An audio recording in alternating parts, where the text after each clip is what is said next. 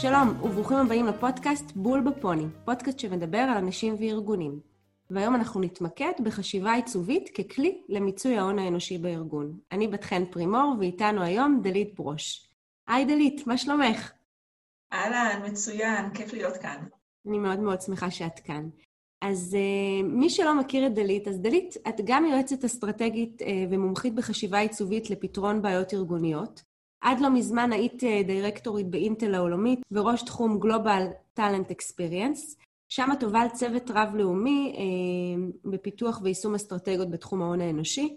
יש לך למעלה מ-20 שנות uh, ניסיון בניהול משאבי אנוש, גם ברמה המקומית וגם ברמה האזורית והגלובלית. את מומחית בהובלת טרנספורמציות ארגוניות, אה, וכיום את מייעצת לארגונים אה, בנושאי מיצוי וניהול טאלנט אה, ובשימוש בחשיבה עיצובית ככלי לאופטימיזציה ארגונית. אז לפני שנצלול, אולי כדאי שנתחיל להתמקד במה זה בעצם מיצוי הון אנושי, או לחילופין, מה זה אופטימיזציה של הון אנושי ואיך חשיבה עיצובית מתחברת לזה. אופטימיזציה של הון האנושי זה בעצם איך הארגון ממצה את המשאבים שלו בצורה המיטבית, גם בטווח הקצר וגם בטווח הארוך. אה, בעולם משאבי אנוש עוסקים אה, בזיהוי ופתרון בעיות ארגוניות. אה, שתי דוגמאות למשל מתחום הטאלנט. איך מגדילים את כמות המועמדים הרלוונטיים למשרות? איך מעלים את אחוז הקבלה, ה-accept rate, להצעות עבודה? אז כמו שאת רואה, זה מאוד מדיד ומכוון בעצם לשאלה איך מייעלים את תהליך הגיוס במקרה הזה. קודם כל נשמע מאוד מעניין להסתכל על זה ככה, כי זה מתחבר אצלי ישר כשאת מדברת לעולם התוכן של מיתוג מעסיק. אה, שבאמת מסתכל על שני הדברים האלה. אחד, קודם כל איך לגרום לאנשים יותר להתעניין בלעבוד אצלו מלכתחילה, ובטח בשוק תחרותי אה, שכל היום האנשים האיכותיים נמצאים בעמדה של בחירה. ואיך אני גורם לאותו עובד להבין שהוא עשה את הבחירה הנכונה ביותר לעבוד אצלי בארגון. ארגונים אה, משקיעים בנושא הזה המון כסף על מנת קודם כל להגדיל להם את מרחב המיון והבחירה ולשפר את האיכות של המועמדים שלהם. מה שמדהים בעיניי לראות בעיסוק הזה, זה שזה לא רק עיסוק של HR, זה עיסוק אה, שהופך להיות אה, גם של צוותי השיווק בארגונים, ובמידה מסוימת של כל החברה. כן, זה נכון מאוד, וזה גם נכון לתחומים אחרים אה, שעוסקים בחשיבה עיצובית, ואנחנו תכף נדבר על זה, שכל החברה בעצם מוצאת את עצמה מתעניינת בזה ותורמת לזה ועוסקת בזה. וגם מעבר לנושא של גיוס, וכמו שאת אמרת, חיבור למיתוג מעסיק וכן הלאה, אה, הנושא של אופטימיזציה של ההון האנושי וחשיבה עיצובית אה, ככלי לזה, הם נכונים לתחומים נוספים בעולם של משאבי אנוש. לדוגמה, איך מקטינים את אחוז העוזבים, או איך מזהים את העובדים שיש להם את הכישורים להתפתח לתפקידים אחרים בארגון, או איך מעלים את שביעות הרצון של העובדים מפיתוח הקריירה שלהם בתוך הארגון. אז אה, בעצם הבעיות הן מגוונות מבחינת תחומי התוכן וגם מבחינת המורכבות שלהן, אבל ברובם יש אלמנט של שאיפה לשיפור מתמיד, ו... אמ, ומאוד מאוד מעניינים את, אה, את הארגון ותורמים להצלחתו. אז איך הגעת לעסוק בזה? אז לפני עשר שנים בערך הייתי ראש מחלקת הגיוס של אינטל באירופה, מזרח התיכון ואפריקה, זה היה תפקיד אופרטיבי ענק. ניהלתי קבוצה גדולה ומבוזרת אה, שאמונה על גיוס של 4,000 איש בשנה בערך, על פני 35 מדינות, והאתגר המרכזי שנתקלתי בו בתפקיד היה שמועמדים לא מספיק התעניינו. אחוז גבוה מדי סירב להתחיל תהליך, או התחיל אך סירב להצעות העבודה שלנו, ומהר מאוד הבנו שהראייה המסורתית של התהליך כמתחיל משלב הגדלת, הגדרת הצורך הארגוני, וכמנוהל מנקודת המבט של המנהל המגייס, הוא לא מספיק. אז בעצם בשלב הראשון הבנו שבעצם לקוח מרכזי שלנו, זה שאנחנו באמת מתחרים עליו, הוא המועמד. אה, וזו הייתה פריצת דרך מבחינתנו. אבל אה, בתור ארגון, אה, בדרך שבה אנחנו עבדנו באותה נקודה, אנחנו תקפנו אותה בכלים שהכרנו, שזה בעיקר תהליכי ייעול, תהליכי אוטומציה, שיווק, מיתוג מעסיק, שינוי פרוצדורות, הטמעת כלים חדשים וכן הלאה. ובאמת ראינו שיפור הולך וגדל, אבל התחרות הייתה קשה, והרגשנו שיש איזה מחסום שאנחנו לא מצליחים לפרוץ. אז יצאנו לעשות מחקר, והמסקנה שלנו הייתה ברורה, אנחנו עדיין מפספסים דברים. התובנה המרכזית שלנו הייתה שאנחנו ניגשים לבעיה אנושית עם כלים של שיפור תהליכים. אבל בני אדם הם לא רכיבים על פס ייצור, שאם נשנה את הקצב או נוסיף רכיב, זה ישנה באופן אחיד את ההתנהגות שלהם. ובשלב הזה אני הקמתי קבוצה חדשה באינטל, שכל מטרתה הייתה להתמקד בצד האנושי של הבעיה שלנו. איך נשפיע על התנהגויות אנושיות לטובת הבאת האנשים הטובים ביותר לארגון. הבנו שאנחנו רוצים שמועמדים יתחברו לארגון, אנחנו רוצים שהם יגישו מועמדות או יפנו אחרים להגיש מועמדות. נקטנו בכל מיני שיטות מחקר והם הניבו תיאוריה ברורה, ולאור התיאוריה הזאת פיתחנו כל מיני ניסויים. אה, הניסויים האלה אימתו את התיאוריה שלנו, ובהתאם לכך די שינינו את פני הגיוס באינטל העולמית. כל המדדים שהגדרנו, כולל איכות מועמדים, התאמת העובדים החדשים לצורך והחוויה שהם עברו, גם המועמדים וגם המנהלים המגייסים בתהליך השתפרו בצורה דרמטית. בעצם הדבר הזה הוכרז כהצלחה משמעותית אה, בעולם הטאלנט של אינטל. אה, ומשם הדרך הייתה קצרה להרחבת היריעה והסתכלות על כלל התהליכים הקשורים להון האנושי בארגון. לדוגמה, ניוד פנימי, הערכות ומבחני התאמה, שיווק ומיתוג, ועוד כל מיני תחומים אחרים. אז למעשה הקמנו ארגון גלובלי שבוחן בעיות והזדמנויות אסטרטגיות לארגון, מזווית של חשיבה עיצובית, אה, ובתוך זה מנקודת המבט של חוויית הלקוח. וואו, נשמע שהייתם חלוצים לבניית ידע שהיום הוא כבר uh, חלק מהיסודות. ההון האנושי בארגון, בסופו של דבר, הוא זה שמבדיל בין ארגונים. הארגון שיש לו את האנשים המוכשרים, המחויבים, עם הכישורים הנכונים, המוטיבציה והדרייב, הוא שינצח, כיום. בעבר אפשר היה אה, לומר שארגונים מנצחים היו אלה עם ההון. היו להם את המכשור, את הכלים, את המלאים, את כל הדברים הפיזיים שנדרשו כדי להצליח. ועם התפתחות התעשייה, מידע הפך להיות הגורם המבדל. מי שהיה לו את הידע הפרופסיונלי, התחרותי, ניצח. וכיום, עם מהפכת המידע והדמוקרטיזציה של הידע, ניתן למצוא כמעט כל פיסת מידע וללמוד כל תחום ידע בנוחות מהמקלדת שלך. אז השאלה היא מה עושים עם זה, וכאן נכנס ההון האנושי לתמונה.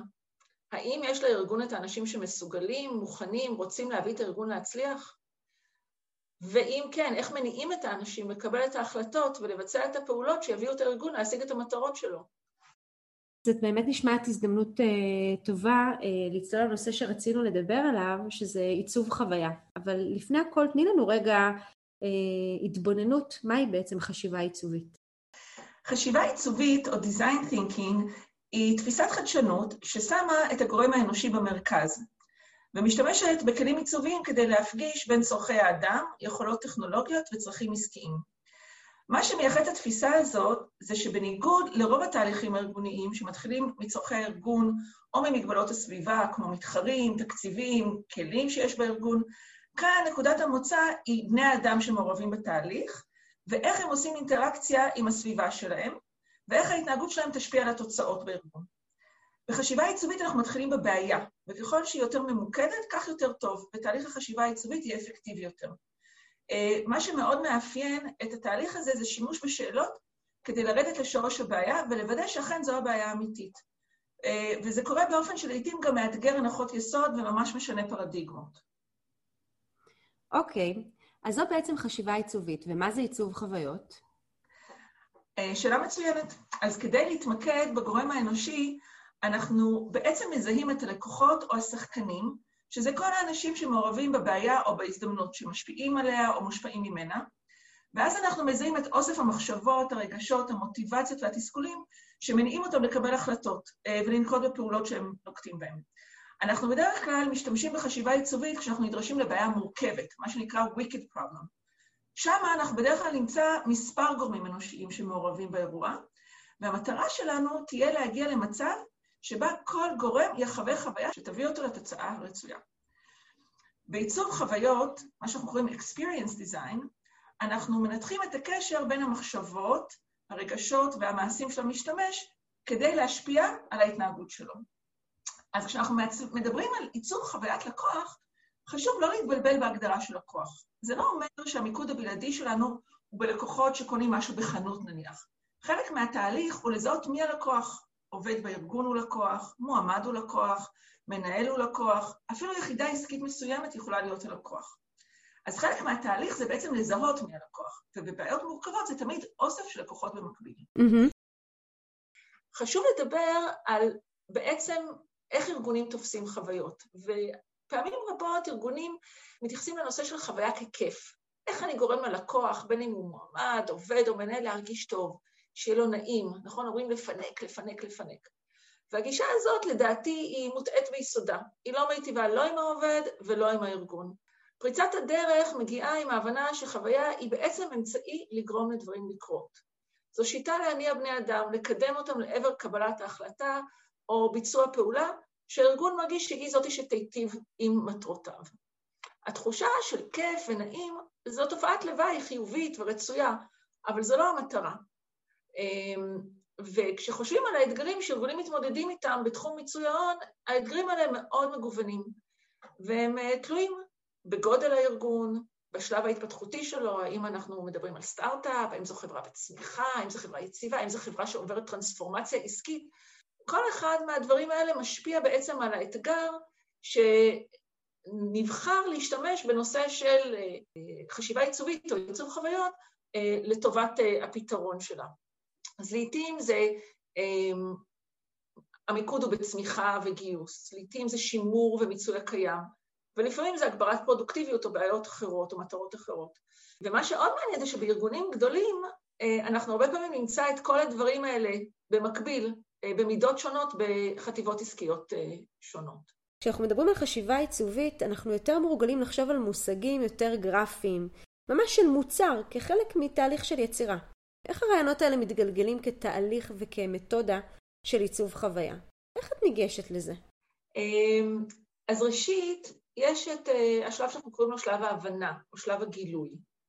אנחנו מנסים להבין את הבעיה, לכאורה שלב פשוט, אבל אחד הדברים שמאפיין חשיבה עיצובית זה שהבנת הבעיה היא תהליך איטרטיבי. בתוך כדי עבודה אנחנו מקלפים את השכבות, ובעצם רואים אבולוציה בהגדרת הבעיה. אז בעצם אנחנו נתחיל מזיהוי ראשוני של הבעיה. וחלק משלב הגילוי הזה כולל זיהוי הדמויות המעורבות בסיטואציה. כשמדברים למשל על משיכת מועמדים, אז יש לנו את המועמד או המועמדת, המגייס, המנהלת המגייסת ואת הארגון. לכל אחד מאלה יש את האינטרסים שלו או שלה סביב משיכת המועמדים. אנחנו מזהים את הדמויות המרכזיות ובונים להם פרסונות, ממש חוקרים אותם, מתוך מטרה להבין אותם ואת מה שמניע אותם. בעצם יוצרים כלי שנקרא מפת אמפתיה לכל משתמש. כלי נוסף שמשתמשים בו כאן הוא מיפוי מסע משתמש או מיפוי מסע לקוח. אה, זה תהליך שבו אנחנו בעצם מלווים את הדמות שלנו בתהליך שאותו אנחנו חוקרים. אנחנו מגדירים את התחלתו, אנחנו מגדירים את סופו, ואנחנו שואלים את עצמנו מתי לראשונה הדמות הזאת נכנסת לתמונה. אה, מה השלבים או התחנות שהיא עוברת? עם מי עושה אינטראקציה? איזה החלטות היא מקבלת ומה משפיע עליה בצמתים האלה? מה היא חושבת, מרגישה ועושה בכל אחת מהתחנות במסע? ומתוך מיפוי המסע הזה אנחנו מזהים דגלים אדומים או pain points, ואלה עוזרים לנו לחדד את הגדרת הבעיה ולהתחיל לזהות את ההזדמנויות לשינוי או את הפתרונות האפשריים.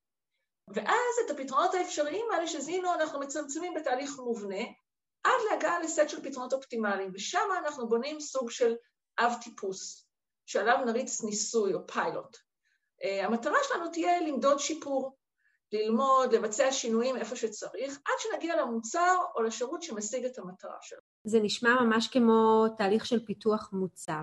בואי רגע, דלית, נרד לפרקטיקה. איזה מקורות מידע יש לארגון בשביל לעשות את מפת האמפתיה והמסע של הלקוח?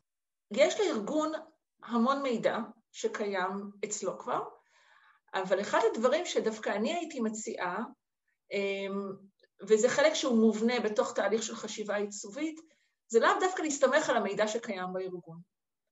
אה, הוא עטוף כבר בהמון המון שכבות של אה, אה, דעות ושל תפיסות קיימות, וחלק מהותי ברעיון של חשיבה עיצובית זה להסתכל על הדברים מנקודת המבט של הלקוח. בעצם לעשות מחקר די מההתחלה ולהרכיב את המשקפיים או להיכנס לנעלי הלקוח הפרסונה הספציפית הזאת, אמ, ולבנות את המפה הזאת. זה הרבה פעמים דורש להתחיל מההתחלה וללכת לדבר עם הלקוח, עם אוסף של אנשים שמייצגים את הלקוח. לא עם האנשים שהם הפרוקסי, לא עם אנשי משאבי אנוש שעבדו עם הלקוח הזה, לא עם המנהלים שניהלו את הלקוח הזה, אלא עם הלקוח עצמו. וזה הכוח, לגלות ממש מה הלקוח חושב ומרגיש. ולמעשה מה שאת אומרת זה שיש לנו פה שלושה שלבים שאנחנו ניגשים לעיצוב חוויה. השלב הראשון זה לייצר אמפתיה, להבין את נקודת המבט, ההתבוננות של העובד. אנחנו לא תמיד אה, מודעים למה עושים אנשים או מה הקושי, וגם אנחנו לעיתים גם מתקשים להסביר את זה באופן מילולי, והצפייה כגורם חיצוני מסייעת לנו לבצע למידה, דיברת על צפייה גם. השלב השני זה בעצם המסגור של הבעיה. יש לנו נטייה מאוד מהירה כבני אדם לקפוץ לפתרונות לפני שמסגרנו את הבעיה, ולכן צריך לשאול המון למה ולמה. והשלב השלישי זה החשיבה על פתרון הבעיה, שזה על ידי תהליכים יצירתיים.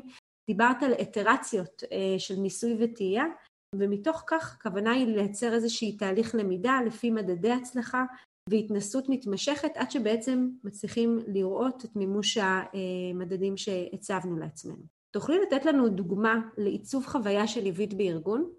אתגר משמעותי אה, שבו אני עסקתי אה, באינטל, והוא אתגר מרכזי בהמון חברות ופוקוס משמעותי בתעשייה בכלל בשנים האחרונות, אה, הוא נושא המעבריות הפנים-ארגונית, מה שנקרא talent mobility או internal talent mobility. בעצם הבעיה הראשונית התמקדה אה, בחוסר יכולת של הארגון לזהות איזה טאלנט קיים בארגון, מהם הסקילס השונים שיש לעובדים. אז מי יש לנו בעצם? מה הם מסוגלים לעשות? במיוחד כשארגון רואה כמה זמן, כסף ואנרגיה הוא משקיע בגיוס, הוא אומר לעצמו, רגע, כל הבן אדם שאני מגייס, יש לי בעצם המון עובדים, אני באמת ממצה את כל מי שיש לי כבר בארגון? ואז כשהוא מתחיל לראות גם עזיבות של אנשים בארגון, אז רגע, אני גם משלם באנרגיה על עזיבות, אני צריך עכשיו לגייס אנשים במקום אלה שעזבו, ולא רק בנוסף כדי לממן את הגידול או, לממש את הגידול שאני רוצה לעשות. ולמעשה, אה, המחקרים מראים שלמעלה ממחצית העובדים מאמינים שקל להם יותר למצוא את התפקיד הבא שלהם מחוץ לארגון מאשר בתוך הארגון. ובאופן מפתיע גם הרבה מנהלים מגייסים מאמינים שקל להם יותר לגייס מבחוץ מאשר למצוא אנשים מבפנים בתוך הארגון. אז זו בעיה שבעצם מגיעה מכל מיני מקומות. באינטל זה התחיל מהמקום של הארגון, איך אני מזהה את הסקילס שקיימים, אבל במקביל, ברגע שהתחלנו אפילו טיפה לגרד את השטח, אנחנו נחשפנו להמון המון מידע על זה שעובדים מרגישים שבעצם הארגון לא מעודד מעבריות, בעצם גם אם הארגון מעודד, המנהל הישיר, שהם כיום עובדים אצלו, לא מעודד את זה שהם יעברו למחלקה ליד. היה תחושה של חוסר אה, ביטחון פסיכולוגי, אה, אם אני אולי אעלה שאיפה להתפתח למחלקה אחרת או ליחידה אחרת. מנהלים מגייסים שהיו צריכים למלא איזשהו תקן, גם אם היו מעדיפים להביא מישהו מבפנים בגלל שהאינטגרציה תהיה מהירה יותר וכן הלאה, בעצם חששו לעשות זאת, כי תרבותית זה לא היה נחשב בסדר לבוא ולעשות poaching, לבוא ולתפוס מישהו של מנהל אחר של קולגה שלי. הם לא קיבלו שום סיוע לעשות את זה. ארגון הגיוס לא מצא עבורם מועמדים פנימיים. למעשה, אינטל יצרה יתרון תחרותי למתחרים שלה באופן אבסורדי, כי אנשים יכלו לקבל שיחות טלפון מהד-הנטרים מחברות אחרות מתחרות, אבל אנחנו בתוך אינטל לא יכולנו להרים טלפון ולהציע להם משרות שקיימות בתוך הארגון. את זה יכולנו לעשות רק לאנשים שעבדו בחברות אחרות. בשביל לשים את האנשים הכי טובים על הבעיות הכי חשובות, שזה בעצם הייתה ההגדרה של אינטל, איך עושים אופטימיזציה של ההון האנושי, אנחנו היום מפספסים 100 אלף עובדים שנמצאים בתוך ארגון. אנחנו מביאים המון המון המון מועמדים מבחוץ, משקיעים המון אנרגיה להבין האם הם אנשים הנכונים, יש לנו מאה אלף אנשים בפנים שאנחנו לא יודעים אם אנחנו ממצים אותם או לא. את הבעיה המאוד מורכבת הזאת אנחנו אה, בחרנו לתקוף בשיטה של אה, אה, עיצוב, חשיבה עיצובית, ובעצם יצרנו מפות אמפתיה ומיפוי של מסעות משתמש לעובדים הפנימיים שהם בעצם מועמדים לתפקידים פנימיים, למנהלים המגייסים. זיהינו פרסונה נוספת שהיא מאוד חשובה על המפה הזאת, וזה בעצם המנהל המשחרר, מי שבעצם מאפשר לי ללכת. וגם למנהל החטיבה שמגייס, כי הרבה פעמים המנהל המגייס יש לו ראייה מאוד צרה, אבל החטיבה או הארגון כולו, יש לו פרספקטיבה אחרת. אז זאת דוגמה, אפרופו מה שדיברנו קודם, שהארגון הוא לא רק מוצר, הוא לא רק אה, אה, ישות שצריכה משהו, אלא הוא שחקן שיש לו מוטיבציות ורצונות. בעצם ניתחנו את הדברים האלה וזיהינו בעצם את ה-pain points, את המקומות המרכזיים, שלפעמים בשינוי קטן ולא יקר, ולא מורכב, ניתן היה לעשות שיפור דרמטי בתהליכים. ועוד דבר שהיה מאוד חשוב ומאוד מעניין בדוגמה הספציפית הזאת, זה שאין פתרון אחד שפותר את כל הבעיה המורכבת הזאת. זה אוסף של פתרונות. וכל פתרון כזה אנחנו בחנו איך הוא ישפיע גם על שאר השחקנים, האם הוא ישפר את מצבם או ירע את מצבם. איך נמנעים בסוף אה, מפקידת הקבלה, אם את מכירה את מבחן פקידת הקבלה, שכשאתה מגיע לארגון, אז הבן אדם הראשון שפותח לך את הדלת כשאתה נכנס למתחם, הוא לא מדבר את השיח או את החזון הארגוני שכרגע הארגון אה, נמצא בו. אז אה, מבחן פקידת הקבלה בעצם אה, הוא יחסית פשוט במקרה שלנו, כי אנחנו מזהים את אותם פקידי קבלה כחלק מהפרסונות שהם חלק מהמגרש שלנו. והחוכמה בלעצב אה, תהליך נכון זה לזהות את כל האנשים האלה, ואת נורא צודקת. אם חלק משמעותי מהחוויה, בוא נניח שאנחנו ניקח את תהליך אה, כניסה. יום ראשון אה, של עובד חדש בארגון, אוקיי? או תהליך ה onboarding שהוא יותר רחב מזה, ובתוכו יש את היום הראשון. אז פקידת הקבלה במקרה הזה היא ממש ממש חלק והיא פונקציה בתוך החוויה באותו יום. ואם אנחנו לא נבין את מה היא או הוא מרגישים וחווים בתוך הדבר הזה ואיך הם יכולים שכל החוויה של כולם תהיה אופטימלית, אנחנו מפספסים, אז ואם נחזור חזרה לפקידת קבלה כמשהו יותר מטאפורי, אז החוכמה היא באמת לזהות את כל השחקנים, ובגלל זה התהליך הזה הוא כל כך uh, עוצמתי, כי הוא מראש תופס את האנשים האלה uh, בשלב המאוד ראשון. אוקיי, okay, ורגע, בכמה זמן בעצם מדובר ללוות תהליך כזה בארגון? וואו, זו שאלה מצוינת ואין לה תשובה אחת.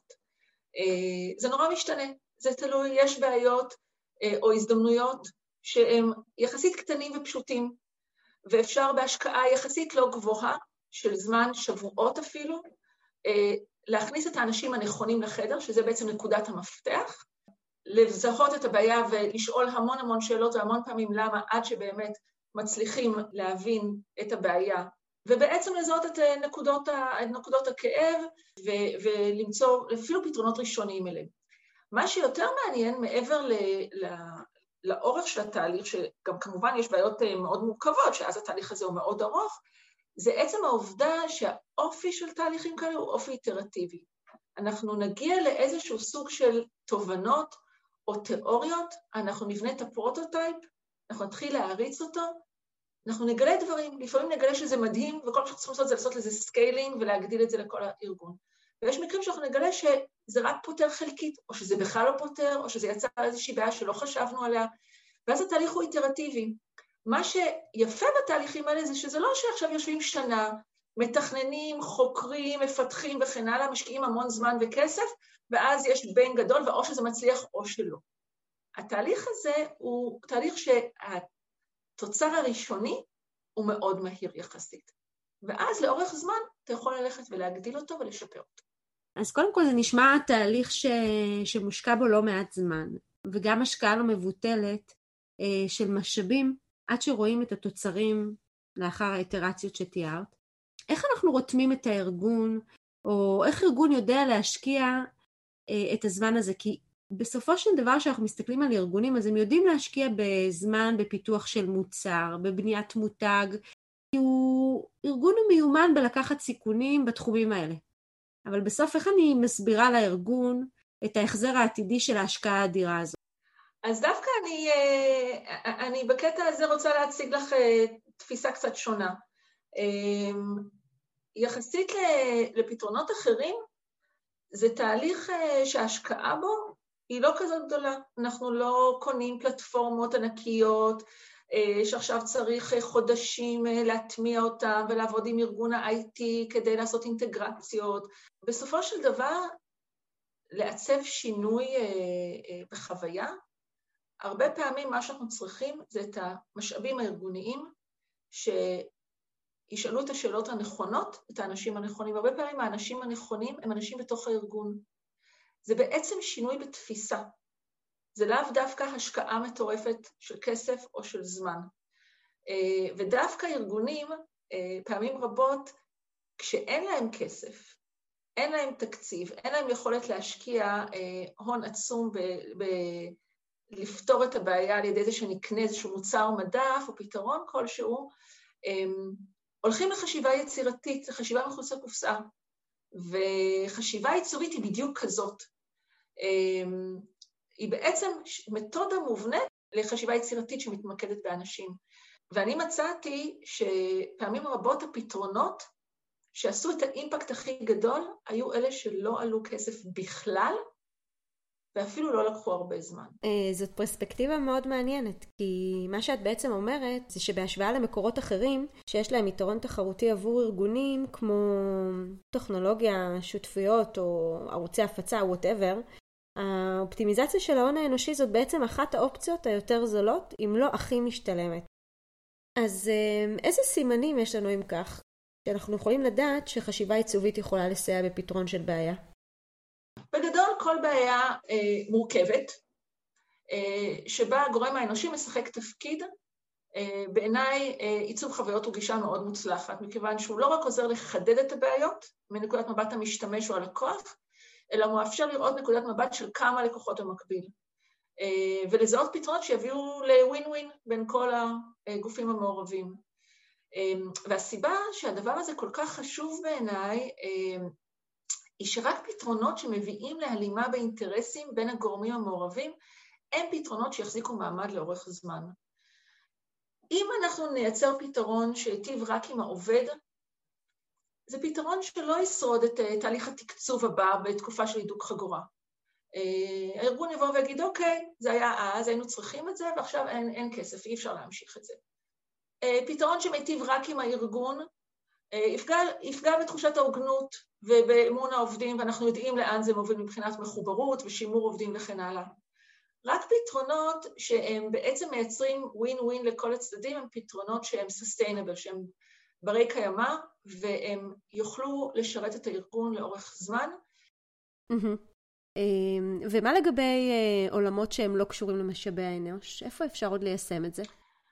אה, החשיבה הזאת מיושמת כיום בארגונים כמעט בכל תחום, אבל כל תחום שבו הגורם האנושי הוא פקטור, שאנחנו שואלים את עצמנו, איך אנחנו נוכל להשפיע על התוצאה להיות טובה יותר, ואנחנו אומרים, אה, אבל זה תלוי עם בן אדם, X או פונקציה Y, יסכימו, או יזדרזו, או יהיו מוכנים, או יבצעו משהו מסוים, אלה המקומות שבהם אה, אה, לחשיבה עיצובית יש אה, עוצמה אדירה. אז אם אנחנו בעצם ככה ממסגרות את מה שהיה לנו כאן היום, אז דיברנו על אופטימיזציה, מהי ולמה זה חשוב, דיברנו על עיצוב חוויה ואיך אנחנו בעצם עושים אותה, דיברנו על זיהוי בעיה שכרגע אנחנו מנסים לפתור אותה, דיברנו על עיצוב חוויה שנועדה להניע אנשים לפעולה שהיא רצויה, כאשר האלמנט של הכיף אה, ואני אומרת את זה בגרשיים, הוא תופעת לוואי רצויה. ודיברנו בסוף על שינוי בר קיימא, אה, שנובע כתוצאה מפתרון של ווין ווין עבור הפרסונות שמעורבות. דלית, תודה רבה רבה לך. היה לי ממש ממש כיף, תודה לך.